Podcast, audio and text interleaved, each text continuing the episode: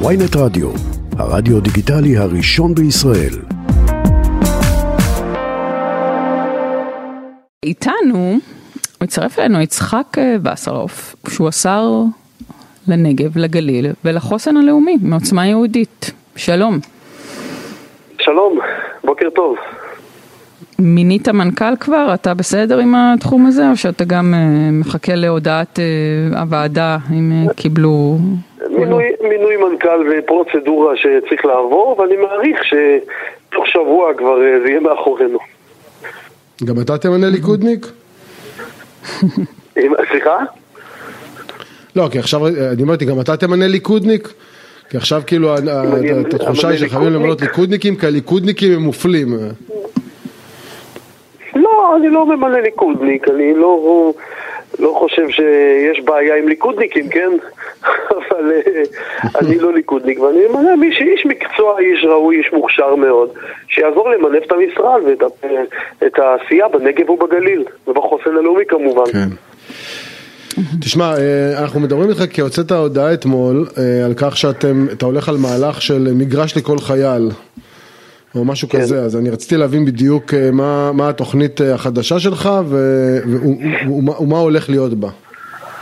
קודם כל צריך להבין שמשרד השיכון בהתחלה תכנן להמשיך את התקנות של האזורים בעלי סדרי עדיפות לאומית אה, מה שהיה בפעם שעברה, להאריך את זה בעוד ארבע שנים ומה שהם לא לקחו בחשבון ואחר כך אה, בסייעתא דשמיא בעזרתו של אה, השר גולדקנופ יחד עם בבצ'יק עוזרו אנחנו הצלחנו לבנות את התמהיל המדויק ואני אסביר לפי ההחלטה הקודמת ההגדרה של אזורי עדיפות לאומית היו על פי מה ש...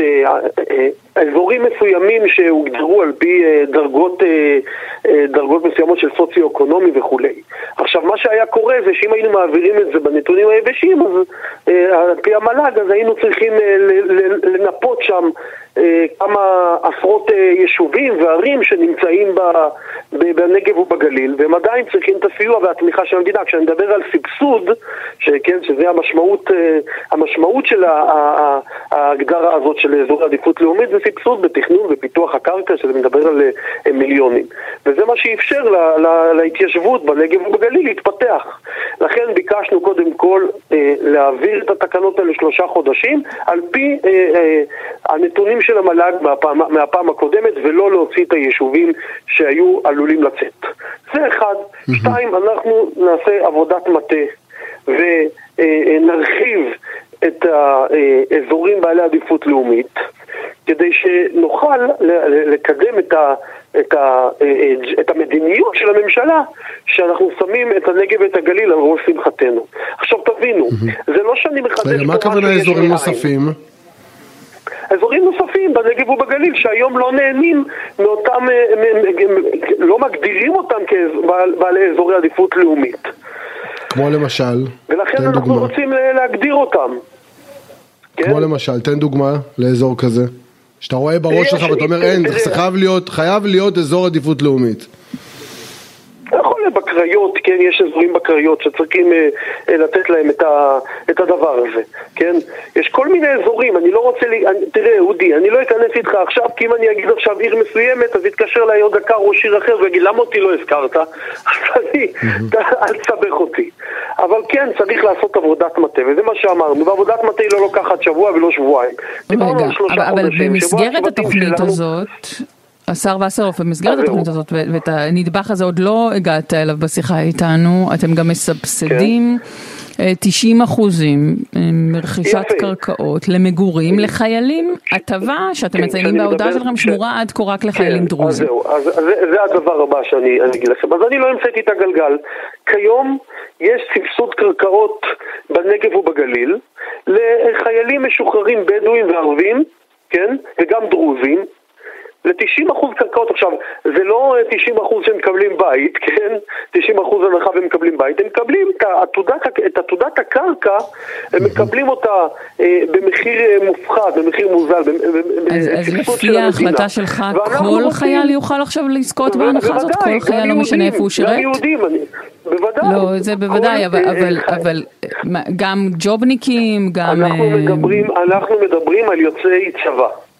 בסדר? כן. כל יוצאי צבא, שירות מלא, בדרגה מסוימת? כל יוצאי צבא בישראל.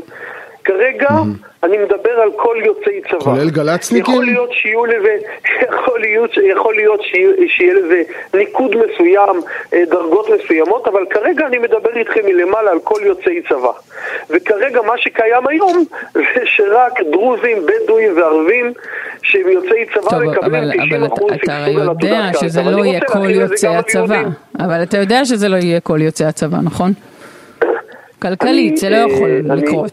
לא כל מי ששרת בצבא יוכל לקבל 90% הנחה ברכישת קרקעות. סליחה. אנחנו אה, אה, נבנה את התמהיל המדויק, שבו אנחנו ניקח בחשבון את הפרמטרים האלו מול עתודות הקרקע שקיימות בשטח. אני יכול לומר לכם שלדוגמה בנגב יש אה, יותר מעשרה אחוזים לא מיושבים שהם יכולים, יכולים מחר להתחיל הליך פיתוח איתם. ומדינת ישראל לא עושה את זה, וזה קריטי, זה אסטרטגי. להתיישבות אה, רגע, בנגב. אבל, אבל יבוא, יבוא השר וסרלוף, אה, בן, בן, סליחה, בן ישיבה שתורתו אה, אומנותו, ויגיד אני לא משרת בצבא, למה לי לא מגיע הנחה ברכישת דירה, קרקע, אני עדיין משרת את המדינה כפי שאני רואה את זה ותורם לה. אנחנו מדברים כרגע על המצב הקיים שבו בדואים ודרוזים וערבים שהם יוצאי צבא מקבלים קרקעות ואנחנו רוצים קודם כל להשוות ואני שואלת אותך על בני ישיבות, מקבלים, על, תלמידי, על תלמידים כמו חכמים. כמו שהם מקבלים קרקעות. יש תוכניות אחרות נוספות ש, של, יוצאי, של, של תלמידי ישיבות. אבל אני יודע מה אני אה. עושה ומה אני פועל כרגע. רגע, מה לגבי שירות לאומי? נניח שאני אה, בחורה דתייה, נניח שאני בחורה דתייה מקדומים, שהצהרתי כן, כן. שאני לא יכולה לשרת בצבא, אני אקבל חצי דונם? אז אנחנו נצטרך, לכן כשפתחתי את השיחה אמרתי לכם שנדרשת עבודת מטה של שלושה חודשים כי בסוף mm-hmm. אני אה, אה, שחקן קבוצתי בוודאי שיש אילוצים כאלו ואחרים, ואני צריך לשמוע את הדעות של כולם, וגם ראש הממשלה אמר שחשוב לו שנשמע אה, אה, שרים נוספים לפני שאנחנו קובעים אה, אה, אזורים בעלי עדיפות לאומית. ואנחנו צריכים לעשות עבודת מטה בעניין. האם אני רוצה לקבוע מסמרות אה, כלפי אה, אה, שירות מסוים? לא. אני רוצה להשאיר את זה פתוח ולעשות עבודת מטה ולשמוע את הדעות של כולם ואז לגבש החלטות, אבל אני רק יכול לומר לכם אוקיי, שכיום אבל מה הרעיון המסדר שלך? הבדואים, הדרוזים אוקיי, והערבים מקבלים ויהודים לא, וזה משוואה שצריך לשנות אותה כי זו אפליה על רקע גזעני. אבל תראה, אני חושב, אתה כאן אותי אם אני טועה, אני חושב שהמתן של אה, עתודות קרקע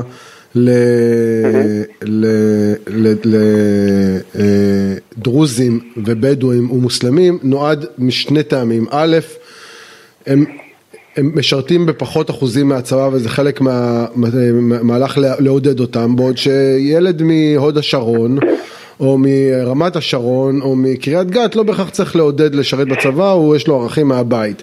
והדבר השני זה שזה דרך שהמדינה מאפשרת אה, אה, שכונת בנים ביישובים אה, מוסלמים וערבים בלי שהיא תקים אף יישוב לערבים מאז קום המדינה. ויכול להיות שכחלק. אוקיי. מהעובדה שאתה שר הנגב והגליל אולי הגיע הזמן שישראל אולי תקים יישובים שמיועדים לדרוזים ולבדואים ולערבים אה, גם כחלק מהיישוב okay, של הנגב והגליל. אני אגיד לך את המצב כיום, אני אגיד לך את המצב כיום אני רוצה לספר לך. אני הייתי בסיור בלב הגליל, פגשתי את ראש מועצת משגב אה, דני, קוראים לו דני, לא זוכר את השם, אה, דני עברי, כן, דני עברי. כן. ועשינו סיור, והוא הראה לי אה, כפר ערבי, חמישה מטרים משם, אה, יישוב יהודי. הוא אומר לי, אתה יודע כמה נמכרת עתודת קרקע אה, בכפר? 150 אלף ש"ח. 150 אלף ש"ח מחיר מסובסד. כמה עולה לבן מקום, בן ממשיך ביישוב? מיליון 150. אתה מבין את המשמעות של זה, גם אם אתה רוצה לספר שצריך וזה, אנחנו הגענו למצב כזה שבלב הגליל יש 14, 14 אה, באחוזים, אחוז יהודים. זה מצב שהוא לא מתקבל על הדעת, אין פה איזון, ולכן צריך אה, אה, לפתח ולמצוא את האיזונים הנכונים. אגב, אני לא אמרתי שעכשיו אני עוצר לחיילים בדואים או דרוזים, אני בסך הכל מדבר להשוות את התנאים ולאפשר פיתוח של, אה, גם של פיתוח הכפר, של, מדבר על היישובים היהודיים, שחונקים אותם גם בוועדות הקבלה, וגם, אני לא רוצה להעלות אתכם יותר מדי, אבל גם בלוח 2 בתמ"א 35, דברים שאנחנו הכנסנו להסכמים הקואליציוניים כדי שנוכל באמת להגיע לפיתוח מקסימלי של הנגב והגליל, וגם על הקמת יישובים חדשים כמו רמת ארבל, שבמשך שנים מדינת ישראל לא הקימה יישובים בגליל, ויש ואפשר וצריך, גם בנגב אני מדבר, שיישובים כמו חנון. אז אתה, אתה חייב לצדך את אה, השרה מירי רגב, אבל אחרת אתה לא תוכל להצליח, נכון? אתה חייב לצדך את משרד התחבורה. אני צריך לפתחי את כל משרדי הממשלה בשביל לקדם את המדיניות הזאת. כי... אה, אבל עזוב, הכי חשוב, הכי חשוב זה, זה היכולת להגיע מהפריפריה למרכז. זה לא דומה לכלום, ובארץ היא לא מתקיימת כמעט. אה, אפשר לגרג את זה מבחינת חשיבות, אבל תביני, כשאני מביא משפחות, רוצה להביא משפחות לנגב ולגליל, כן, מה שנקרא פריפריה, אני צריך לתת להם מטריה שלמה של תעסוקה, של השכלה, של מערכת בריאות נגישה. אני צריך לבנות את זה בצורה כזאת כדי לאפשר להם להגיע, כדי לאפשר להם את התנאים להגיע לשם. ולכן אני צריך לעבוד באמת מול כל משרד, כמעט כל משרדי הממשלה, ולעשות איתם מאצ'ינג, או לעשות איתם תוכניות פיתוח שמתממשקות יחד, אבל את יודעת מה, אני, לפי איך שאני ראיתי בישיבת הממשלה האחרונה, שכולם באמת אה, אה, מעלים את הנגב והגליל על ראש שמחתם, וכולם באמת רוצים בפיתוח אה, הנגב והגליל, אז התרשמתי שיש אה, עם מי לעבוד ויש רצון טוב, ואנחנו נתכלל את הדברים הללו עם תקציבים אה, שקיבלנו בשביל להשקיע תגיד, באותם מקומות, ולצמצם את הפערים החברתיים, ה... בוודאי. זו הכנסת הראשונה שלך, נכון? נכון, כן. ואתה כבר שר. ואני שר, ואתה כן. בן 30, שזה מחמאה, כן? שלא ישתמע אחרת. שמעתי את אבא שלך אומר באחד הראיונות, מאוד מתרגש מהמינוי, אבל הוא אומר שהוא קיווה שאתה תהיה בכלל ראש ישיבה.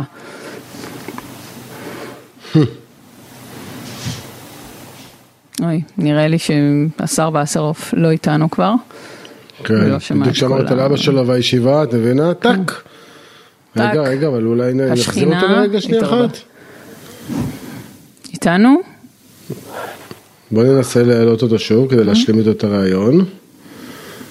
מיד אה, ננסה.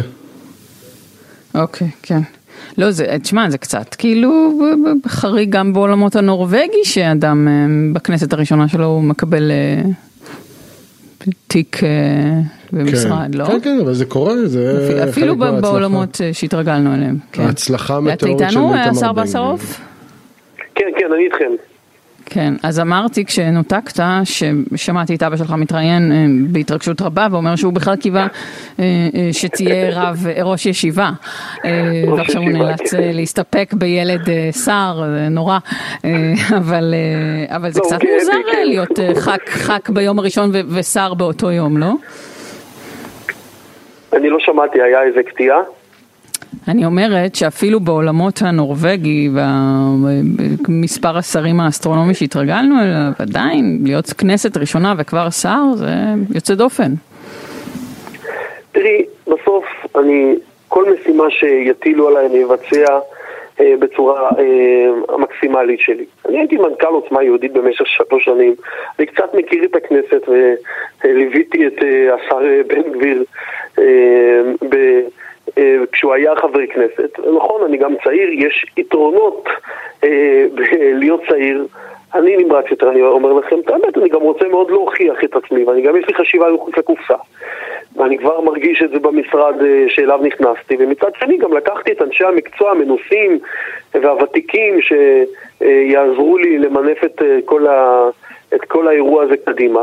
וביחד, אנחנו, יחד עם צוות צעיר ויחד עם צוות ותיק ומנוסה, אנחנו מצליחים להגיע לדרך, לפריצת דרך משמעותית, שאני כבר שוחחתי עם, אה, כמדומני, עם מחצית מראשי הרשויות וראשי המועצות, ושמעתי את הצרכים, ואני נמצא בתוך, אה, בתוך העניין הזה ממש, ולומד, לומד מהר, ואני חושב שאנחנו אז, אז אולי תסביר לנו, את, אם אתה תלמיד כן. שקדן, כן. למה הקשר בין, בין חוסן הלאומי, בין התיק הזה לבין הנגב והגליל? למה הם צריכים לבוא יחד? שאלה מצוינת. תבינו, ב-2012 ממשלת ישראל קיבלה החלטה, כמדומני החלטה 5255, למדוד את החוסנה הלאומי של מדינת ישראל. החוסן הלאומי נועד כדי להתמודד במצבי משבר ומצבי מצוקה ולחץ, כמו לדוגמה שהיה לנו את הקורונה או מלחמה כמובן, שזה נועד אה, אה לשמור על יציבות כמה שאפשר. אה, בקהילות, בשכונות, כן? אה, וכמובן, בשגרה זה אמור להוביל למחוללי צמיחה. והם הגיעו למסקנות של מדידת החוסן הלאומי שיש פערים חברתיים עצומים בין הפריפריה של ישראל לגוש דן, למרכז הארץ. ואת אותם פערים מדהים. צריך uh, לפעול לצמצום הפערים החברתיים הללו. יש שם מדדים מדויקים של, שזה כן. איך, זה גם נוגע, זה נוגע uh, לכל, uh, uh, לכל הנושאים כמעט, כן? זה גם מחינוך, גם רווחה, גם אפילו בתחבורה ותשתיות. אנחנו, בכל, כמעט בכל פרמטר הפריפריה נחותה ביחס למרכז הארץ.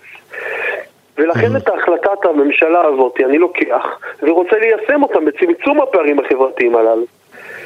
וזו משימה מאוד מאוד מורכבת, אבל לפחות אוקיי. מדינת ישראל מודעת לכך. אתה יודע שחלק מהחוסן, אתה יודע שחלק מהחוסן הלאומי של ישראל זה גם הדירוג הכלכלי הגבוה שלה, וחלק מחברות האשראי, חלק מחברות הדירוג למשל, העבירו מסר שהחלשת מוסדות המדינה היא גם סיכון לדירוג שלה. אתה לא חושב שהפעולות שהממשלה שלך עושה למשל סביב העניין של המהפכה המשפטית יחד עם החוסן הלאומי וצמצום הפערים שאתה פועל עליו בסוף יפגעו בחוסן הלאומי והכלכלי של ישראל?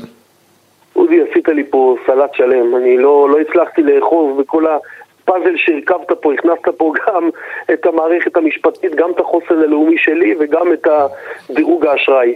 אני באמת לא הצלחתי להבין. ככה זה חוסן לא- לאומי, זה שקשוקה, זה לא, לא, זה לא, לא מוצר קצה. מה שאני עושה אני יודע. אני יכול, אתה רוצה שאני אתייחס למהפכה אה, במערכת המשפט, אני אתייחס. אתה רוצה שאני אתייחס לחוסן הלאומי, אני אתייחס. אם אתה רוצה, לא, השאלה אם חברת S&P שאומרת שהחלשת מוסדות המדינה היא סיכון לדירוג של ישראל, אם אתה אומר להם, כמו שחלק מחבריך אמרו, תקפצו לנו. אני לא יודע, אני לא, לא, לא פגשתי אותם, לא דיברתי איתם, לא שמעתי את המסקנות שלהם. אתה אומר לי דברים פה פעם ראשונה. ככל ותתכנס ועדה שתדון בדבר, בדברים אה, שקשורים לכך, אז אני, אני אשתתף ואני אשמע את הדעות. כאילו, אני, אני לא יכול להגיב לך פה על משהו שאני לא, לא יודע ואין לי מושג בו.